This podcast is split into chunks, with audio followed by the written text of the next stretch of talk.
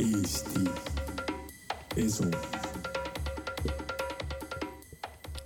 tere, tere, tere, head Eesti Eso kuulajad, alustab järjekorras viiekümne kuues saade. täna istub mul stuudios Valdur Mikita, tere Valdur. tere kõigile! kuidas suvi sind kohtleb siiamaani? suvi on kohelnud päris hästi, kõik suved äh, kohtlevad mind äh, hästi. et ma kuulun ka nende inimeste hulka, kes äh, kindlasti suvel ei taha äh, kuskile rännata, et siis ainus koht, kuhu, kuhu rännata tahaks, on seesama imeline Eestimaa. et äh, jah, kuulun ka selliste suvekummardajate sekti, võiks öelda ma mõtlesin jah, et vähemalt minu jaoks paljuski sinu raamatute sisu seostub just suvega, sest noh, ma ei ole nagu maal üles kasvanud, aga olen kõik oma suved eh, lapsepõlves siis veetnud maal. just eh, sarnases eh, metsatukas vanas talus, kus on välikäimlad ja, ja kokku kukkunud kuurid ja, ja asjad onju. aga eh, kutsusin su saatesse, sest ma mäletan väga selgelt, et sinu raamatutest eh, ma lugesin esimest korda sellist mõistet nagu sünesteesia ja, ja see tundus mulle äärmiselt põnev, see, kuidas sa seda kirjeldasid ja ja tundus ka see, et, et noh, et mul on ju ka midagi sellist olnud natuke teisel kujul. mis eh, see sünesteesia on? jaa, see on tõesti üllatav, kui palju ma olen ise leidnud äh, ka just äh, noh, eestlaste ja eesti keelt kõnelevate inimeste hulgas, hulgas selliseid, kellel minu meelest on mingisugused sellised äh, sünesteetilised jäljed ajus. noh, kas see on just sellest, et me räägime soome-ugri keeli, on ka selline hüpotees olemas, et, et need soome-ugri keelte rääkijad, eesti keel siis sinna hulka on eriti head sellised massiivid, kuidas sellist sünesteetilist võimekust äh, hoida. aga igal juhul tõesti sünesteesia on justkui selline kuues meel, et kellel selliseid aistinguid ei ole, siis nende jaoks on üsna raske nagu aru saada, mis asi see on. noh, kunagi ma jäin mõtlema, et see maailm tõesti paistab inimeste jaoks erinev, kui ma kuulasin intervjuud ühe pimedaga hästi intelligentne noormees ja siis mingil hetkel ta jõudis selleni, et ta ütles, et ma saan kõigest aru, aga mis asi on värv? vot seda ma ei mõista. ja noh, eks see on natukene võib-olla ka sünesteesiaga, et kes näeb selliseid numbreid või tähti või kuupäevi värviliselt, selle jaoks on see nagu iseenesestmõistetav. nii et et jah, ütleme sellist üldistust teha või rääkida teoreetiliselt sünesteesiast on äärmiselt tänamatu töö, et see jutt on lihtsalt väga igav mm. -hmm. nojah, põhimõtteliselt nii palju ma saan aru, et see on selline noh, heas mõttes meeltesegadus või siis on ju mingisugused asjad lähevad seal omavahel nii-öelda segamini natukene, et noh, igaüks, kes on võib-olla metsas kõndides neid sitaseeni söönud, onju, siis, siis tuleb nagu kergelt ette, et mis asi võib olla värvi kuulda või, või mingisugust linnulaulu näha, onju. aga, aga jah, et ma mõtlesin ka selle peale, et, et kõik, väga palju mina olen ka kuulnud lugusid, kuidas inimesed noh, oma mingisuguste meeltega näiteks arvutavad vahemaid või, või minul oli ka väiksena see, et kuidagi sihuke mingi sihuke metsageomeetria tekib, noh, mis väiksest peast tundub, et ju, ju nii käibki, onju, aga nüüd, kui ma mõtlen, et, et ma mingi näiteks oma näpuga seal mõõtsin metsasid või, või midagi sellist, onju, et, et siis nagu, siis tundub see eriline ja just uh, huvitav, et see on jah, selle soome-ugri asjaga siis seotud, onju. Et kust see seos huvitav tekib, et see tuleb lihtsalt puhtalt uh, metsavaimudest? no võib-olla tuleb ka metsavaimudest jah, noh, ütleme selline natuke teaduslikum hüpotees on see, et ta võib-olla tuleneb siiski meie keele struktuurist. et noh, eesti keel on selline avatud keel meil on hästi palju selliseid äh, nagu loodushäälendeid ja meie keeleinstinkt on niimoodi mõnusalt avatud, mis tähendab seda, et, et kui me mingit sõna justkui ei tea, siis me oskame seda igaüks nagu ise luua käigu pealt.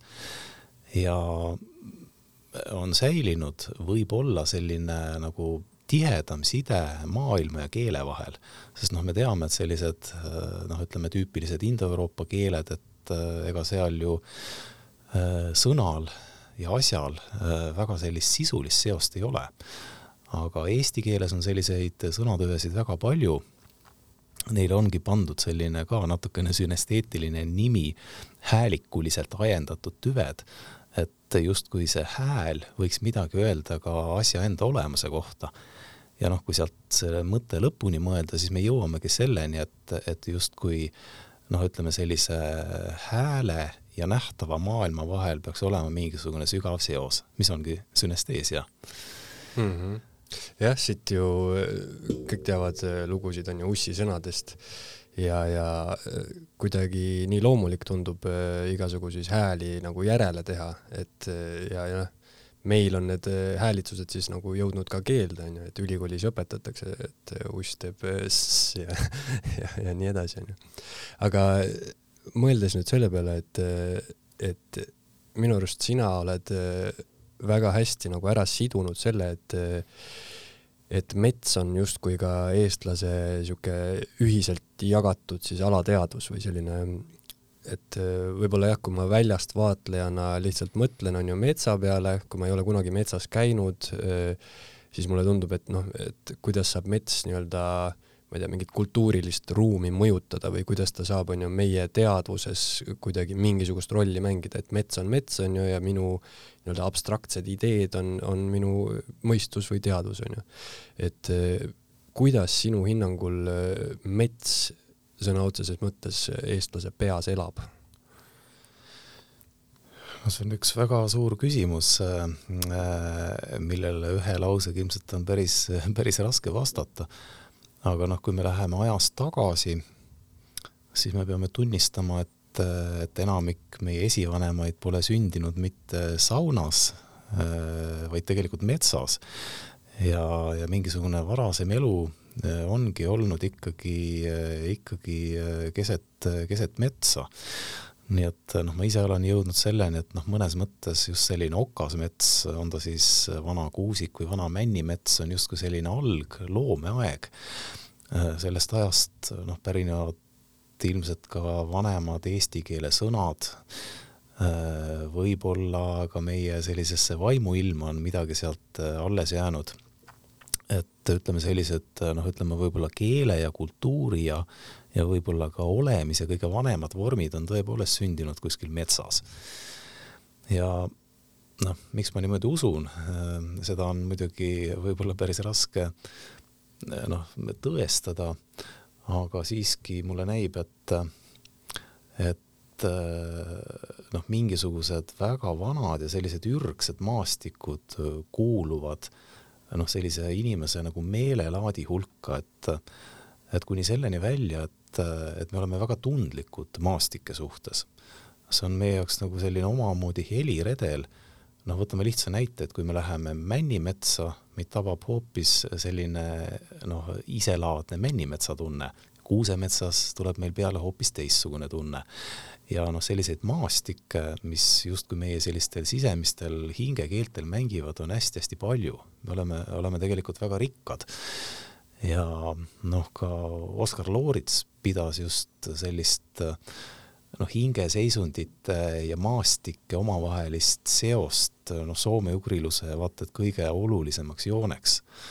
et ma arvan, et see on tähtis jah, ma ise ju äh, tegelikult äh, elan nüüd Tallinnas äh, viimased aastad ja, ja kogu oma elu olen veetnud Lõuna-Eestis ja, ja siin nüüd tuleb hästi välja see, et, et kui ma lapsepõlves noh, mere ääres võib-olla käisid, on ju, ühe korra suvel, kui oli väljasõit Pärnusse, on ju, et, et nüüd ma käin põhimõtteliselt iga päev mere ääres ja siis, siis ma olen ka mõelnud, et et justkui sa ütled, et, et need maastikud jätavad mingisuguse märgi, on ju, inimese, inimese sisse, siis et huvitav, et kuidas erinevad põhja- ja lõunaeestlased, et, et noh, ütleme Võrumaa metsast tädikene, kes ei ole elu sees kuhugi mujale läinud, maksimum, kus ta on käinud, on Tartus võib-olla, aga, aga noh, no ei olegi merd näinud kunagi, on ju. et et mismoodi ta seda maailma tajub teistmoodi sellest tädikesest, kes on võib-olla elanud kuskil Saaremaa ranna ääres, on ju, et, et kindlasti noh, see ilmastik on teine, aga, aga kindlasti ka need need vaated maailmale, et üks on võib-olla niisugune noh, mina seostan alati metsa niisuguse tumedama poolega ja, ja siis mere ääres ma tunnen seda, seda avarust, aga nagu meri on, on ju omamoodi kuidagi suur ja ohtlik, ohtlik lomp on ju, millest aru ei saa. aga eh, oled sa ise märganud, et põhjaeestlased ja lõunaeestlased erinevad, et eh, noh, kunagi olid suured keelevaidlused on ju selle vahel, et keel erineb, aga, aga noh, inimestena ka kindlasti kuidagi no siin vist tõesti on äh, ütleme niimoodi, et võib-olla isegi suhtumine metsa on äh, nii põhja kui lõunaeestlastel kindlasti sarnasem kui äh, suhtumine merde mm. -hmm. et äh, noh, kuna isegi väikesaarel noh, mereranda me ikkagi kujutame ette kuskil nagu sellise metsapiiri taustal või siis vastupidi, et ütleme, mets ja meri käivad ka nagu alati koos aga keset suurt metsa tõesti äh, noh, merd näha, siis peab juba olema niimoodi omajagu, omajagu fantaasiat. noh, teisest küljest ma meenutan äh, alles äsja hiidlased mulle rääkisid mõnuga, kuidas Saaremaalt olla leitud üks järjekordne vanamemm, kes polevat kunagi mere äärde saanud. No ma usun, et nad räägivad seda, seda lugu ikka ja jälle mõne aasta järgi üle see kuulub äh, nagu selliste hiidlaste hiidlase huumori juurde. Äh, aga mis on kindlasti teistmoodi võrreldes meie maailmaga, võib-olla veel sada viiskümmend aastat tagasi enamik meie esivanemaid äh, elas oma elu ära erakordselt väikesel territooriumil. noh, võib-olla kolm kilomeetrit ühele poole, neli-viis kilomeetrit teisele poole, et kusagil viisteist, kakskümmend ruutkilomeetrit võis see olla inimese eluruumi suurus Äh, ja noh, kui sealt edasi mõelda, siis tundub tõesti uskumatu, et kõik meie vägevad regilaulud ja võib-olla selline kõige uhkem osa vanemast kultuurist pärineb just nende inimeste meelest, kes tegelikult olid ülimalt paiksed, nad peaaegu üldse ei liikunud. nii et äh, noh, ma usun küll seda, et mõnes mõttes pole üldse tähtis, kui palju inimene liigub horisontaalis, aga oluline on see, kui palju ta liigub vertikaalis see on jah selline huvitav paradoks, millest äh, räägitakse, noh, praegu räägitakse hästi palju, kus on noh, reisimise ajast on ju, igal pool käiakse, just välisriikides igal pool on ju. ja, ja mis see inimene siis ütleb, et miks ta reisib, et või, või mis see teeb, et see avardab minu maailmavaadet ja, ja sa oled kohti näinud ja, ja, ja nii edasi, nii edasi, onju. aga, aga ongi, et, et võib-olla noh, sa ei peagi elus nii palju liikuma, et on ju millestki midagi teada mulle tundub. Aga, aga noh, ei tea jah, selles mõttes, kui minna täiesti teistsugusesse kultuuriruumi, siis eh, noh, sa lihtsalt saad, eh, ma ei tea, kas nagu teadmisel ja informatsioonil on siis järelikult mingi vahe, onju et eh, teadmine on see, mida sa oled elanud ja informatsioon on see, mida sa oled kuulnud või näinud või, või mulle tundubki, et, et võib-olla informatsioon on see, mida sa nimetad, on ju, horisontaaliks et see võimalikult avar, aga ei lähe väga sügavale, onju. ja, ja siis teadmine on see, mida noh, mida sa nii-öelda elad ja hingad. jaa, täitsa nõus, ma võib-olla isegi ütleks seda veel lihtsamalt, et noh, elutarkust ei ole võimalik õppida, elutarkuseni on võimalik jõuda õigesti elades, ütleme siis niimoodi lihtsal viisil ja võib-olla tõesti, mis puudutab sellist nagu reisimist, tõenäoliselt väga paljud inimesed on ära tundnud, et kui nad ähm, kuskilt pikalt reisilt või mitmed järjestikuselt reisilt äh, uuesti Eestimaale tagasi jõuavad, äh, noh, kuidagi erakordselt hea tundub äh, võimalus mitte kusagile minna, sirutada oma varbad välja kuskil suvekodu trepil, lihtsalt vaadata neid vanu õunapuid niidetud või niitmata muru, lõpuks ju polegi see nii, nii oluline. noh, tunda neid ürgseid Eestimaa lõhnu. vot Eestis on tõesti üks imeline omadus, et kuna see maa on siiski suhteliselt selline niiske, et enamik inimesi maakeral elab ju sellises nagu kuivades piirkondades, kus suvisel ajal kaovad ära värvid, aga hullem veel, kaovad ära lõhnad ja vot seda on väga selgelt tunda, kuidas, kuidas Eestimaa lõhnab pärast vihma. ja, ja lihtsalt uh, uuesti kogeda seda, seda imelist tunnet uh,, et Eesti on väga lõhnarikas maa sinu raamatuid lugedes üks asi, mis mul on veel meelde jäänud, ongi see, et et siin Eestis ise elades ja, ja sellist nii-öelda tüüpilist lapsepõlves vähemalt sellist tüüpilist maalapse elu elades, et et ei pea seda üldse nagu eriliseks, aga, aga kui sa räägid enda raamatutest, raamatutes, et kuidas on nagu mujal maailmas ja kui eriline tegelikult meil see, see keskkond siin on, et siis äh, mul on ka tekkinud selline arusaam, et, et tegelikult äh, igal pool mujal nagu päris niimoodi ei ole.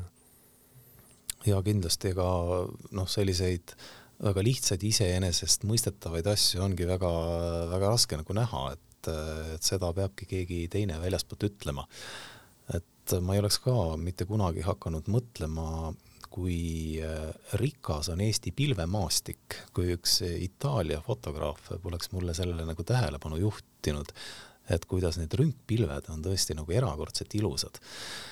ja noh, jällegi, mis on ilmselt paljude inimeste kogemus, kui nad äh, lähevad kasvõi isegi Vahemere äärde või siis kusagile kaugemale troopikasse, et taevast kaovad ära pilved alguses tundub see päike ju väga tore, aga, aga mingil hetkel hakkab hing igatsema neid mm, -hmm. neid eestimaiseid ründpilvi. Äh, ja, ja see noh, valguse ja varjude mäng, pikad loojangud, äh, need kuuluvad, kuuluvad sellise jah, Eesti sellise baasilise ürgrikkuse juurde jah, siit ju võib veel sada raamatut kirjutada sellest siis, kuidas nagu noh, kliima inimesi üleüldse mõjutab, kliima ja loodus ja see keskkond on ju, et eh, kindlasti ka need aastaajad, et eh, kui sa elad, on ju noh, kohas, kus on võib-olla siis ütleme kaks aastaaega või on niisugune kuiv periood ja siis on vihmaperiood või, või igat erinevat moodi, et meil on siin ikkagi noh, iga natukese aja tagant on jälle uus ilm, et noh, hommikul on üks, lõunal on teine, aga no põhimõtteliselt niimoodi, et noh, kolme kuu pärast on ka täiesti teine, onju. et, et see kuidagi rikastab. aga kui sa ise oled käinud välismaal või sa ütlesid, et Itaalia fotograaf tõi selle nagu nii-öelda, siis vaatasid ise ka Eesti pilvi onju, aga et kas sul on tekkinud ka selle, selle Eesti siin looduskeskkonna erilisusest arusaamine just väljas reisides? no ilmselt ikka on, noh, mingeid lihtsaid asju paratamatult sa paned tähele, et noh, kasvõi see, et et kui haruldaseks on sellises noh, tsiviliseeritud maailmas muutunud näiteks pimedus, noh, öötaevas, see ei ole sugugi iseenesestmõistetav, noh, Eestis veel on. või siis lihtsalt see, et, et sa lähed välja ja, ja sinu ümber on, on meeletult palju vaba ruumi. noh, meeletut, võib-olla see on natukene pisut liiga palju öeldud, aga ütleme piisavalt palju. et sul on olemas selline omaette ette olemise võimalus. Äh, noh, nii lihtne asi. aga, aga selline ruumipuudus maailmas on ju niivõrd suur, et, et ma peaaegu olen nõus alla kirjutama sellele mõttele, et Eesti kõige suurem rikkus ongi ruum, tühi mm. ruum mida me ei, ei tohiks, ei tohiks täita mingisuguste selliste tarbetute asjadega, et, et las see ruum on. nagu linnadega näiteks. jah, just, et linnade ja, ja teede ja võib-olla isegi mõtete ja raamatute ja mm, -hmm. ja, ja kultuuriga. et, et kõigega tuleb, tuleb piiri pidada. et lihtsalt oleks rohkem sellist vaba, mõnusat, metsikut olemist noh, ei ole vaja seda maailma ülemäära ilusaks teha või ülemäära tsiviliseerida, et et see on üks inimhinge üks suuri paradoks, et ta ei suuda elada sellises maailmas, mis on liiga korda tehtud. ei teagi, miks see nii on, aga, aga lihtsalt äh, tundub, et see on tõsi see vana hea Eesti ikka, see Haja küla nagu kuidagi äh, mõjub inimesele hästi, ütleme niimoodi, et on ju mingisugused erinevad äh, uuringud ka selle kohta, et, et kuidas inimene nii-öelda elama peaks mingis väikses kogukonnas ja üldse, et kui palju sa noh, et väga üle, ma ei mäleta, mis see oli, kas saja või saja viiekümne inimesega sul elus noh, sa ei, sul ei püsigi meeles, onju, aga, aga linnas sa noh, näed iga päev tuhandeid inimesi, onju, ühe päeva jooksul. jah, aga kuidas sul, kuidas sul on tulnud see mõte nagu nii-öelda seda noh, põhimõtteliselt me räägime sellisest äh, nagu sõnul seletamatust äh, asjast onju või mingisugusest äh, niisugusest maagilisest komponendist. kust sul tuli mõte nagu üritada see sõnadesse panna? ja tõepoolest üks mõte, mille ma sõnastasin ühes raamatus, oli see, et, et, et eestlasel on võimalus ennast teostada maagilise inimesena. ega ma ei oska seda ise väga hästi lahti seletada. aga noh, mida, mida rohkem meil eluaastaid koguneb ja mida targemaks me saame, noh, seda rohkem me tajume, et et ükskõik kui targaks me ka ei saa, noh, mingisugune osa meis endas ja ka maailmas jääb, jääb alati salapäraseks ja mis äh, võib-olla veel, äh, veel hullem, aga võib-olla ka veel mõnusam, et, et see salapärane osa justkui suureneb, see tundmatu osa. et järelikult me peame otsima lepitust, kuidas selle poolega äh, tasakaalus ja kuidagi harmooniliselt elada. et seda ei ole sugugi lihtne teha, sest noh, me oleme me oleme väga ahned, me tahame kõike teada, me tahame kõigest aru saada. aga ma isegi usun seda, et, et võib-olla inimene ei peaks kõike teadma, et, et võib-olla tal ei olegi hea kõike teada. et ta peaks teadma olulisi asju ja ta peaks suutma selle maailmaga, ükskõik kui salapärane see on, ikkagi elama sellises harmoonias nii et sellised suured, suured ülesanded. Ja... see on jah, nagu see, see mingi kuulsa filosoofi lause, et, et mida rohkem ma millestki tean, seda rohkem ma tean, et ma mitte millestki midagi ei tea või, või midagi taolist. no just nimelt, et mm. ütleme seda mingisuguste teiste sõnadega ümber, aga see mõte jääb täpselt, täpselt samaks. Ja, ja selles on mingisugune omalaadne õnn äh, mitte teada. et, et sa taipad Äh, taipad ikkagi vähemalt seda, et, et maailm on, on uskumatult suur ja, ja see tekitab sellist nagu lapselikku rõõmu, et, et esiteks äh, noh, võib-olla pole sul ikkagi piisavat jõudu, et seda päriselt ära lõhkuda, mis tähendab, et, et mingisugune lootus inimesel jääb alati. Ja võib-olla ka seda, et, et noh, see õpetab sellist, sellist alandlikkust, leplikkust noh, võib-olla sellist tahtmist elada võimalikult väikeste soovidega, mida on ju päris raske teha. ikka me soovime midagi. aga igal juhul see annab mingisuguse teistsuguse vaate maailmale. ja noh, võib-olla eriti suvi on see aeg, kus, kus meile meeldib mõelda selliste asjade üle teha lõket ja käia saunas ja, ja mõelda suuri mõtteid. suvel kindlasti jõuame metsa palju rohkem kui, või noh, mingisugusessegi metsa onju.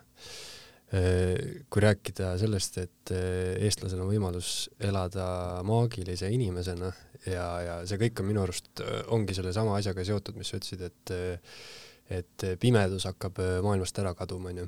aga igaüks, kes on kunagi mingisuguses öösel metsas käinud, siis ta saab aru, kui täielik see pimedus tegelikult on, et et see on selline täitsa omaette kogemus ja, ja kindlasti see on ka otsapidi on ju seotud sellega, et ju eestlased on ju kurikuulus äh, maausurahvas on ju ja, ja kõige vähem nii-öelda usklikud siin maailmas. et kõik siuksed eh, esoteerilised eh, kivisõnad ja, ja on ju puulehtedesse uskumine ja kõik, kõik selline on kuidagi meil, eh, tundub nii loomulik, et see on justkui noh, meie nagu täielik kultuuri osa, et et kas eestlase nõiaos-, nõiausk siis on puhtalt ikkagi seotud sellega, et me elame sellises keskkonnas no mõnes mõttes võiks tõesti öelda, et eestlane on selline kõige usku, et ta, ta kipub uskuma kõike. mis tähendab seda, et usku on meil kõvasti. aga võib-olla alati me ei tea täpselt, millesse uskuda. noh, see on minu meelest ka päris hea selline Eesti inimese iseloomustaja, ta usub küll, aga ta ei oska kunagi seletada, millesse ta täpselt mm -hmm. usub. ja noh, kui küsidagi sellise tüüpilise eestlaste, eestlase käest, et millesse ta, millesse sa usud, noh siis see vastus on niivõrd segane, et sa saad kohe aru, et see ongi nüüd jah, päris eestlane, et ta ei oska seda vähemalt sõnadega mitte küll kuidagi väljendada. Äh, noh, eks see äh, miks, miks me usume nii, nii palju erinevaid asju, on, on minu meelest äh, pigem siiski hea. et see tähendab seda, et, et isegi usk on meie jaoks natuke selline loominguline me kogu aeg küsime, et kas see, mis me usume, on ikka õige ja minu meelest on see üks väga oluline küsimus. et noh, usk ei tohi olla pime. Äh, usk peaks olema selline avatud ja, ja loominguline, aga siiski peaks selles olema piisavat jõudu, et ikkagi oleks usk. muidu oleks ta lihtsalt üks selline, selline, selline tühisevõitu mõte. et jah, kui ja. eestlase käest küsida, et kas sa Jumalat usud või Jumalasse siis, äh, siis see vastus on tõesti tihtipeale selline, et noh, nii ja naa ja, ja nii edasi, onju. aga lugesin siin äh, nädalavahetusel sinu raamatut Eesti looduse kannatuste aastad. Ja no kas meil on siis oht äh, kõik see, kõik see nagu kaotada, et, et mis, mis sina arvad, kas Eesti nii-öelda äh, siis mingisugused öö, otsustajad, kes istuvad mingites pukkides ja, ja on ju, teevad mingeid otsuseid, et kui palju siin Eestis on ju harvesteri laste igale poole peale ja nii edasi, on ju. et kas me peaks nagu ikkagi veel rohkem tagajalgel olema?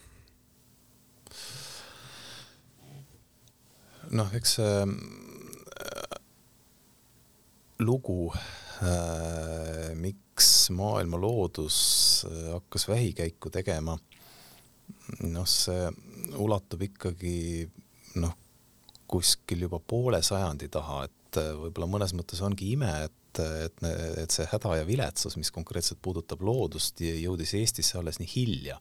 noh, paljudes maades on see, äh, on see, on see tont ju ammu juba üle käinud aga noh, kui oleks selline väga lihtne vastus, siis, siis ma ilmselt oleks selle ammu juba välja öelnud või kirja pannud. et noh, loodusega vist ongi põhihäda on see, et kui, kui neid kassi sabast tirida välja neid karvu ükshaaval, siis kass küll karjatab, aga, aga lõppkokkuvõttes pole tema elul nagu häda midagi. et ühesõnaga see, see selline nagu looduse erosioon või, või häving ta toimub pidevalt, aga toim-, toimub niivõrd väikeste sammude kaupa, et kõigil küll on valus, aga, aga samas eh, noh, see ei tekita ka sellist nagu tõelist nagu hädakisa. ja, ja noh, ütleme, inimene harjub kõigega nii, nii, nii hea kui halvaga. aga ma arvan, et see põhiline allakäik on, on ikkagi võib-olla tulenenud eh, mitte ütleme siis Eesti riigi otsustest, vaid, vaid kusagilt kõrgemalt no see on väga suur läbikukkumine Euroopa tasandil minu meelest. Äh, noh, kes lihtsalt ei ole suutnud kehtestada mõistlikke reegleid, kuidas hoida oma loodust. ja kui sealt veel kaugemale minna, siis kui me küsime, et kas maailmas on mingisugune selline jõuline NATO sarnane organisatsioon, kes, äh, kes ikkagi äh, hoiaks seda, et et, et ka maakera tervis oleks, oleks mõistlikul viisil hea ka meie laste ja lastelaste jaoks, siis tegelikult noh, selline organisatsioon ju puudub. ja noh, see punkt, kus me praegu oleme, on, on kõikide nende, nende paljude tegemata jätmiste tulemus. ja võib-olla kõige kurvem ongi see, et tegelikult ma usun, et isegi praegu veel on olemas ressurss, et et, et see laeva nina kuidagi õigesse suunda pöörata. aga siin on puudu üks väga oluline komponent ja see on lihtsalt äh, poliitiline otsus või poliitiline tahe. Äh, lihtsalt neid otsuseid ei tee keegi. tegelikult on olemas pädevus, on olemas ka raha, on olemas ka rohujuure tasandil lihtsalt kogukonnad, kes kõike seda toetaksid. aga need otsused jäävad tegemata ja, ja seetõttu noh, vähemalt et äh, lähitulevikku vaadates ma olen selline äh, pigem pessimist mm. -hmm. ja ma olen äh, tihti rääkinud äh, seda lugu, et äh, kunagi tuli mul üks tuttav Austraaliast tagasi, oli seal siis pikalt olnud, ma ei tea, kas aasta või midagi onju.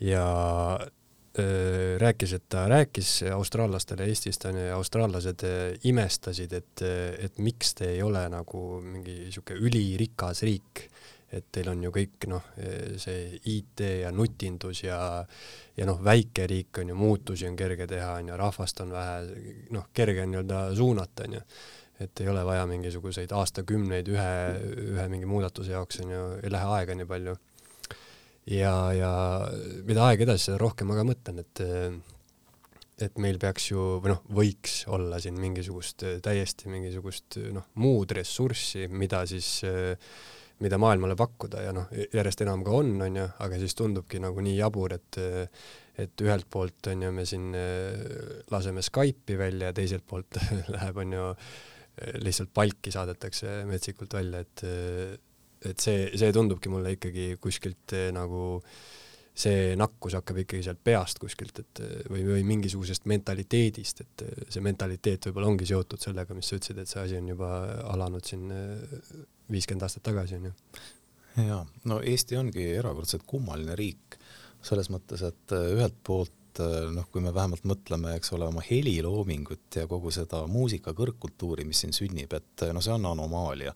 nii väikses riigis ei tohiks selliseid asju juhtuda, aga ometi on ja, ja see ongi ime ja, ja teisest küljest vaadatuna tundub, et siin lokkab ikkagi mingisugune koloniaalajastu, et, et noh, riik koloniseerib omaenda rahvast, et noh, kuidas, kuidas on võimalik veel tänapäeval, aastal kaks tuhat kakskümmend kaks, augustikuus, kui me, kui me seda saadet salvestame, et see kõik ongi nii, nii erakordselt arusaamatu.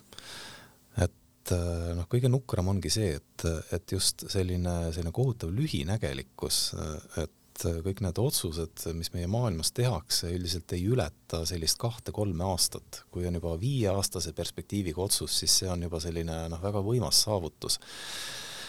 nii et noh, sealt edasi, kui oma viimases raamatus Mõtterändur ma olen mõningaid selliseid väikseid nagu lihtsaid asju mõelnud, aga, aga me peaksime selles suunas liikuma näiteks kas või selline lihtne asi, et mis puudutab äh, selliseid ökoloogiat puudutavaid otsuseid või, või otsuseid, mida tehakse siis looduse kohta, et seal tuleks oluliselt alandada valimisiga. noh, minu meelest äh, noh, kolmeteistaastane inimene võiks juba olla pädev, kes, kes suudab otsustada. Et, et noh, miks me võtame noortelt selle otsustusvõimaluse ära. ja, ja noh, palju muid asju. et noh, kui lihtne on ju tegelikult lõpetada ikkagi rohepesu näiteks noh, seadusandlikul tasandil, et, et ühesõnaga noh, et lõpeks ära see, see veider asi, et, et, et ühesõnaga noh, mingisuguseid selliseid äh, noh, kuidas ma ütlen, et, et ühesõnaga riik iseenesest võib olla äärmiselt ökoloogiline, aga see hind, et ta selle saavutab, tegelikult äh, ikkagi püsib sellisel koloniaalmajandusel, et kusagil see rämps, mis tekib, või need, ütleme, sellised saastavad protsessid lihtsalt ostetakse kusagilt mujalt sisse mingisuguse puhta produktina. et, et noh, see tuleks kiiremas korras nagu ära lõpetada, et et siis see noh, maailm läheks äh, pisut paremini tasakaalu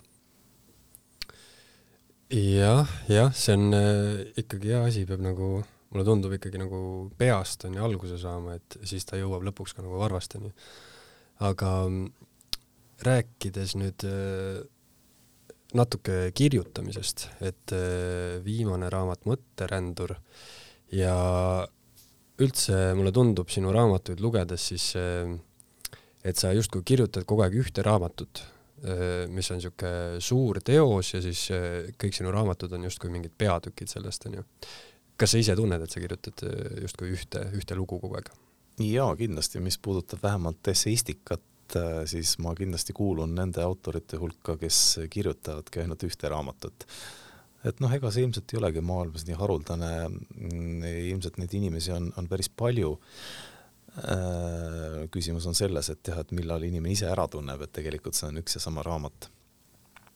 seda küll, et äh, noh, mulle meeldib ka kujutada ette nagu loomingut või raamatut nagu sellist nagu lõputut äh, aeda hargnevate teeradadega, mis viivad kuhugi, noh, täpselt sa ei tea, kuhu, aga tegelikult see aed on ikka üks ja sama mm. -hmm. jah, see tuleb äh, väga tihti välja, ma, ma ei oska täpselt nagu näidet tuua, aga ma mäletan, et ma olen ka nagu avastanud, äh, lugedes mingisugust, äh, mingisugust kirjaniku raamatut, mis on siis saanud, on ju, kuidagi kuulsaks, et kas ma olen, ma ei tea, kuulnud kuidagi või noh, olen lugenud mingisugust äh, kuulsa kirjaniku kuulsat raamatut. Ja siis tekib huvi, on ju, ja siis ma loen näiteks tema varasemaid raamatuid. Ja siis sa avastad, et ta on justkui nagu noh, enam-vähem üritanud seda sama, sama raamatut juba mitu korda kirjutada, onju, aga ta on lihtsalt võib-olla siis lihvinud selle, lõpuks selle raamatu, et noh, see, nagu sa ütlesid, et see on üsna, üsna tihti see, et justkui isegi kui see kirjanik on puhas fiktsioonikirjanik, ta kirjutab, iga raamat võib tal olla mingi täiesti uus lugu, uued tegelased, aga seal on nagu nii palju paralleele, et siis see, et, et inimene justkui mingisse teise aeda siis hüppaks, see on pigem vist haruldane ja eks see ongi, noh, see on kindlasti nii oht kui võimalus. et äh, mõnikord see tundub muidugi üsna väsitav, et äh, et nagu ma naljaga pooleks olen öelnud, et lingvistilisse metsa oli lihtne sisse saada, aga katsu sealt välja saada mm, -hmm. et, mhm. äh, et ta on ikkagi üsna selline eksitav. et võib kergesti, kergesti oma mõtetesse ära eksida. aga ma usun, et ikka on võimalusi, on mm, noh, ega hing igatseb tegelikult ikkagi ka, ka mõnda muud žanri proovida, et et üldse mulle näib, et noh, esseistika on seda tüüpi kirjandus, millega ei tohi ka ülemäära noh, võib-olla nagu liiale minna. et, et mingi hetk on ikka oht, et, et see muutub selliseks paljusõnaliseks nagu mõttevahuks kus puuduvad võib-olla sellised, sellised nagu, nagu värsked rajad ja, ja, ja värsked tähelepanekud. et, et aga noh, lihtsalt mingi osa sellisest Eesti inimese hingepõhjast minu meelest oli noh, lihtsalt karjus nagu selle järele, et keegi tuleks ja, ja kirjutaks sellest ja osutaks sellele, et et lõppkokkuvõttes noh, need mõtted, mis seal on, paljud neist ikkagi on nii-öelda varastatud teiste inimeste tagant, ma olen need lihtsalt oma noh, ütleme sellise kirjaniku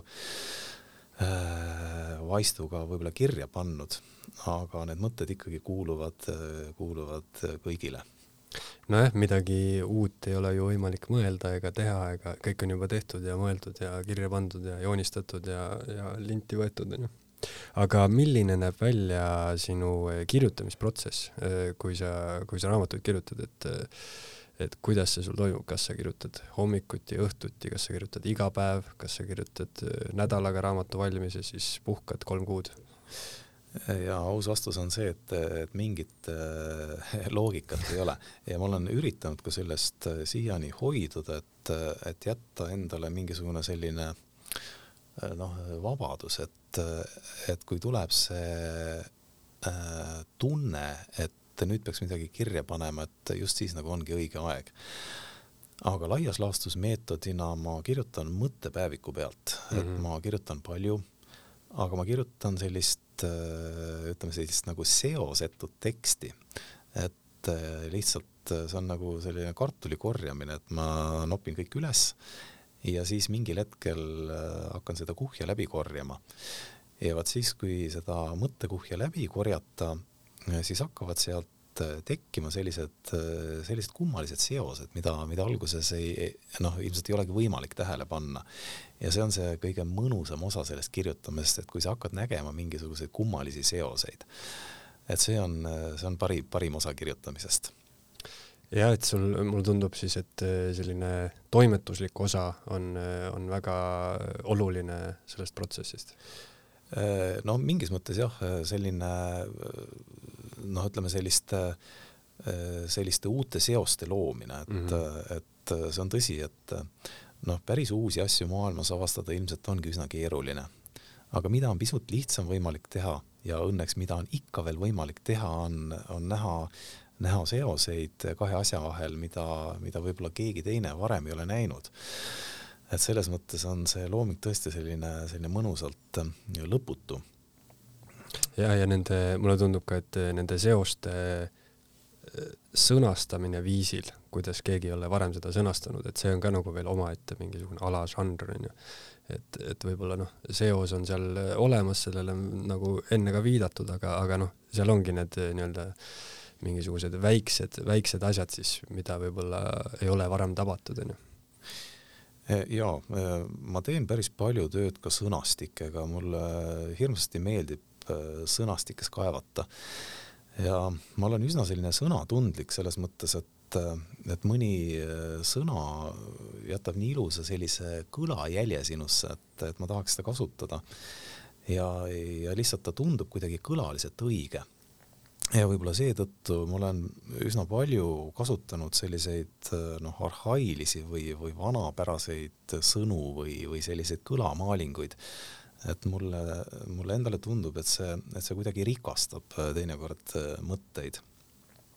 et, et eesti, eesti keel on tõesti erakordselt ilusa kõlaga keel ja ta on selline lummav ja noh, mul on väga hea meel, kui teinekord ka mõni, mõni lugeja paneb seda, noh, paneb lihtsalt tähele mingit üksikut sõna ja see tekitab temas mingi sellise esteetilise elamuse, et, et see on selline, noh, selline väike rõõm mm. -hmm. jah, sinu, sinu tekstis on kindlasti aru saada, et sul on ka väga olulisel kohal on, on, on ju see, et mida sa selle lausega öelda tahad, on ju, aga samas ka see, et kuidas on ju sa selle lause konkreetselt kirja paned, et, et ühte asja saabki nagu on ju erinevat moodi sõnastada ja mõte, mõte peaks olema ilus, et mm -hmm. kui sa seda loed, siis, siis, siis, siis ta võiks tunduda ilus. no see on muidugi ideaal, alati me selleni ei, ei jõua, aga, aga jah, et, et keel on ilus iseenesest, isegi siis, kui sa ei taha parasjagu mitte midagi öelda.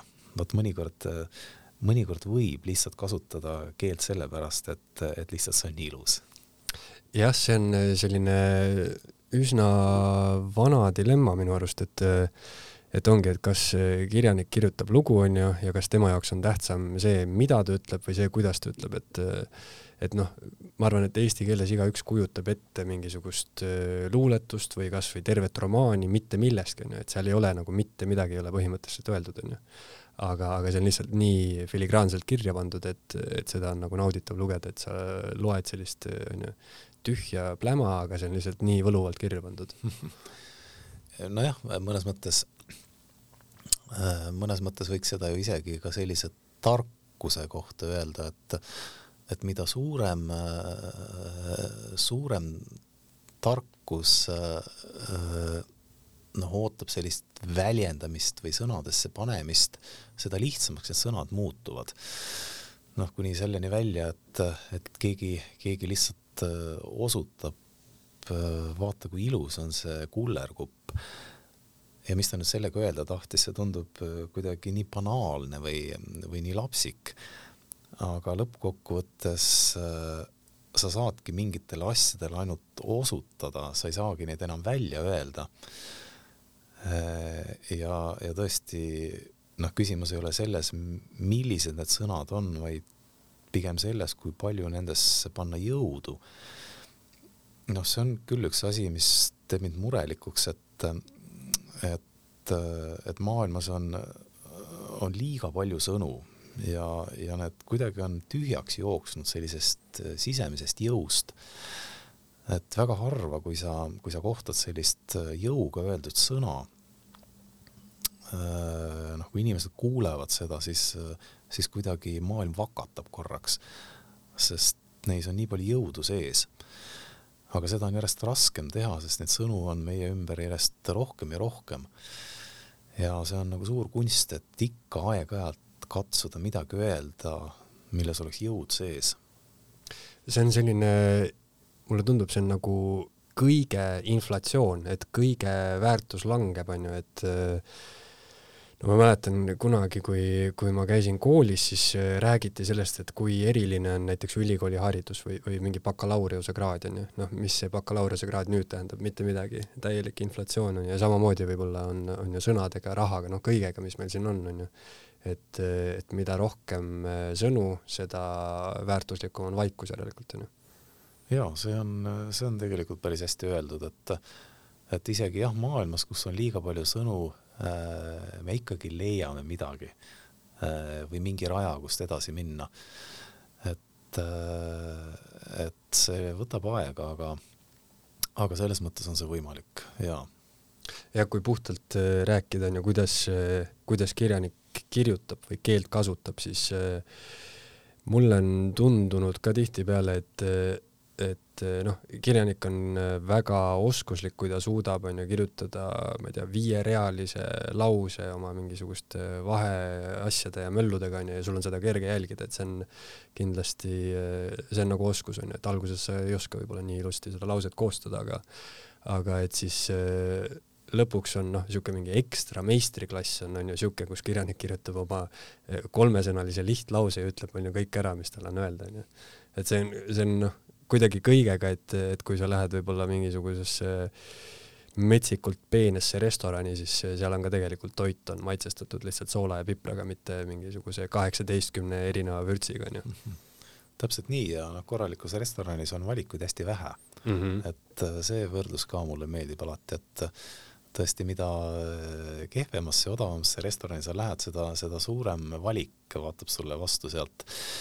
Ja äh, eks see on samamoodi ka kultuuriga, et, äh, et jah, see inflatsioon, et, et me elame maailmas, kus on kõike liiga palju, et see, et see mõjub meile halvasti. noh, me ei ole nagu vaktsineeritud nagu selle vastu, et meil on nii palju valikuid, nii palju võimalusi lihtsalt inimene on sündinud mingisuguses teistsuguses maailmas, kus kõigest sellest, mille sees me praegu supleme, oli, oli kohutavalt suur puudus. Nii et noh, meie ülesanne ongi võib-olla näidata siis, siis rada või radu tuleviku inimesele, kes, kes lihtsalt peavadki elama hoopis teistsuguses maailmas. ja üks väga suur paradoks on veel, noh, kui me mõtleme oma koolihariduse peale, siis noh, kogu see pikk kooliharidus on, on tegelikult mõeldud ju inimese jaoks, keda valmistatakse ette maailmas, mis inimese elu jooksul ei muutu. Aga nüüd, kui me oleme selle hariduse omandanud, on äh, maailm juba kaks või isegi kolm korda muutunud. et ühesõnaga meil tegelikult ei ole tooli, mille peale üldse istuda. et äh, kogu aeg noh, me oleme nagu võõras maailmas, ette valmistamata ja, ja me muretseme selle pärast, meil on väga suur ärevus. Äh, me lihtsalt ei oska nagu sellega hakkama saada. ja seetõttu mulle tundub, et, et noh, me elame mingisuguse suure murrangu sees. Ja võib-olla suures plaanis ei ole virisemiseks põhjust, sest elu on ikkagi erakordselt huvitav lihtsalt varasemal ajal oli see, et kui maailmas midagi muutus, siis õpetlased mõtestasid seda mitusada aastat tagantjärgi. aga see aeg on nagu ammu möödas et nüüd peab igaüks äh, mõtestama seda ise ja sellega hakkama saama ja see ongi nagu vahe. jah, see, see maailma kiire muutumine, see on põhimõtteliselt äh, et kui sa hakkad mingit õpikut kirjutama, onju, et see tundub nagu täiesti, täiesti mõttetu juba, et selleks ajaks, kui see sulle nüüd trükikojast välja jõuab, on see õpik nagu nii-öelda aegunud. no just ja, ja noh, kui me vaatame, et äh, noh, miks erinevad põlvkonnad saavad teineteisest järjest raskemini aru.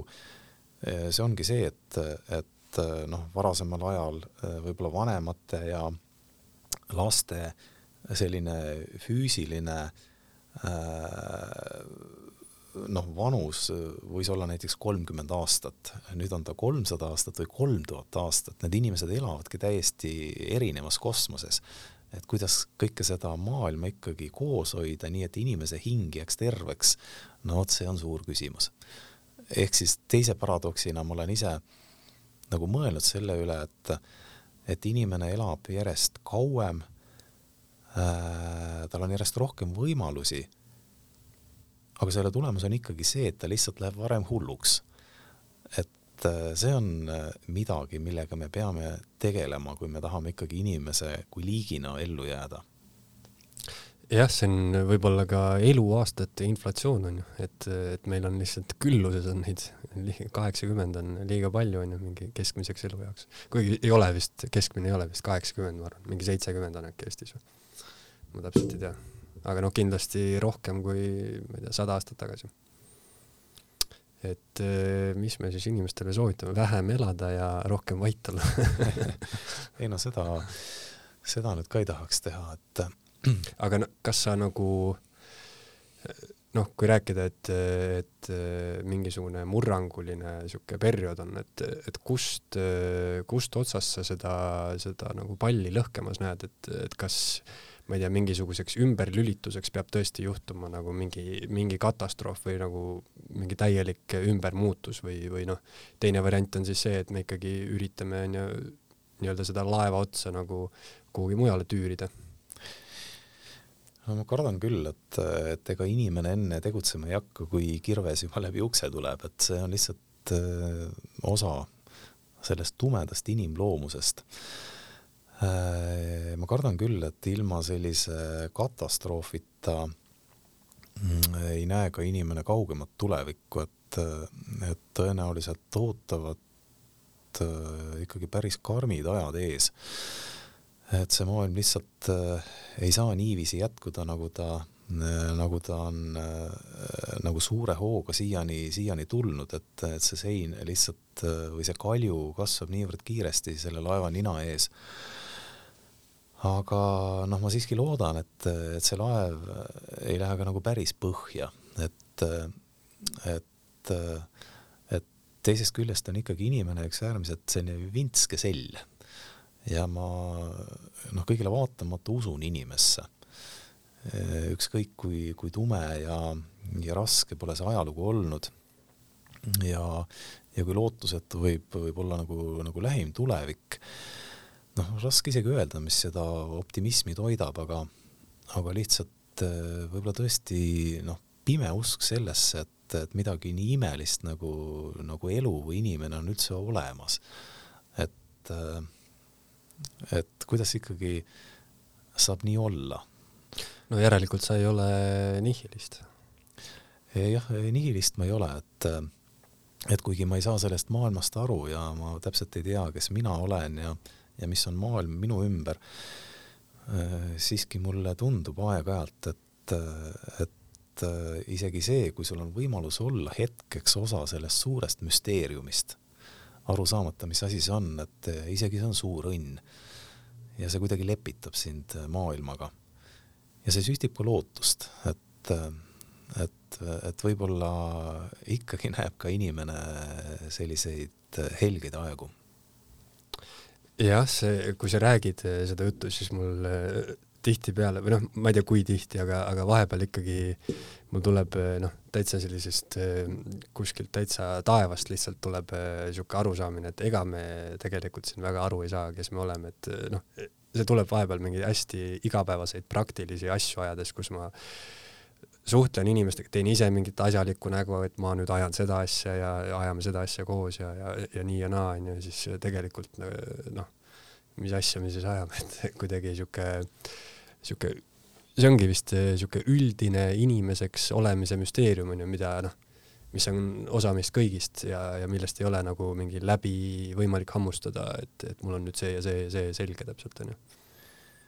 Ja, ja miks ei võiks see ka niimoodi olla, et, et inimene võib olla nii evolutsiooni tööriist kui ka jumala tööriist ja ta võib olla seda mõlemat ühe korraga et, et kõik võimalused on ju, äh, on ju, ju võimalikud. et, et miski, miski ei ole maailmas võimatu nojah, siin tekib küsimus, et kas inimene on äh, nagu vaheetapp mingisugusel äh, inimene kaks punkt nullil või noh, ütleme siis äh, tehisintellektil näiteks ja ma ka selle üle olen, olen katsunud ähm, enda sees mõelda ja, ja noh, kuhugi välja jõuda. et äh, täpselt samamoodi, et, äh, et mõnes mõttes on mõlemad variandid tulevad kõne alla. aga see inimene kaks punkt null või kolm punkt null tundub mulle siiski selline huvitav võimalus ja võib-olla kunagi ka tuleviku inimene pannakse valiku ette, et eh, kas lihtsalt ajaloo areenilt kaduda või, või muutuda inimeseks, ütleme siis neli punkt null. Miks mitte, ma arvan, et, et seda võimalust tuleks kaaluda. et noh, kui me isegi vaatame üksnes loodust, siis me näeme ju ühte lihtsat tõde, et, et areng on lahtiütlemine oma, oma vanast kehast või vanast maailmast, noh, pidev selline reinkarnatsioon. noh, kui palju on ka inimesel seost nende esimeste putuktoidulistega, kes võib-olla kaheksakümmend miljonit aastat tagasi tekkisid, noh, kui palju me meenutame kari, hiirt või, või siili. Aga samas elu läheb kogu aeg edasi ja, ja ja mõnes mõttes me oleme tõesti nagu sellised mingid ürgamööbid, eh, mis annavad mingisuguse võimaluse tuleviku inimesele. et mulle meeldib see mõte ja, et eh, see on sul väga hea mõte. selle ma panen saate pealkirjaks eh, Valdur Mikita, me oleme ürgamööbid aga jah, see on, see on selles mõttes jah huvitav, et, et sealt tuleb välja see mõte, et et evolutsioonis ei ole see, et kõige tugevam jääb ellu, vaid on ju see, kes kõige kiiremini kohaneb või kõige paremini on ju, ehk siis nagu kõige nojah, kõige parem kohaneja, mitte kõige tugevam. jaa, evolutsioon on suur paradoks. tõenäoliselt kõige parem võimalus ellu jääda on olla võimalikult lihtne. eks ei ole ka inimeseks suuri hädasid, et me oleme muutunud liiga keeruliseks. nii kui maailm radikaalselt muutub, siis me oleme hädas kui ta ei muutu, siis me oleme väga edukad. aga kuidas, äh, kuidas äh, hoida alal korraga mõlemat võimalust, vaat see on, see on üks väga suur küsimus. aga okei okay,, selle küsimuse viskamegi lõpetuseks õhku. igatahes Valdur, aitäh, et tulid ja arutlesid metsa ja inimese üle. aitäh ja mul on hea meel selle üle, et et äh, kõik mõtted, mis siin täna said välja öeldud, neid on võimalik ümber mõelda, edasi mõelda, suuremaks mõelda. ja uuesti sõnastada. just. Eesti Esu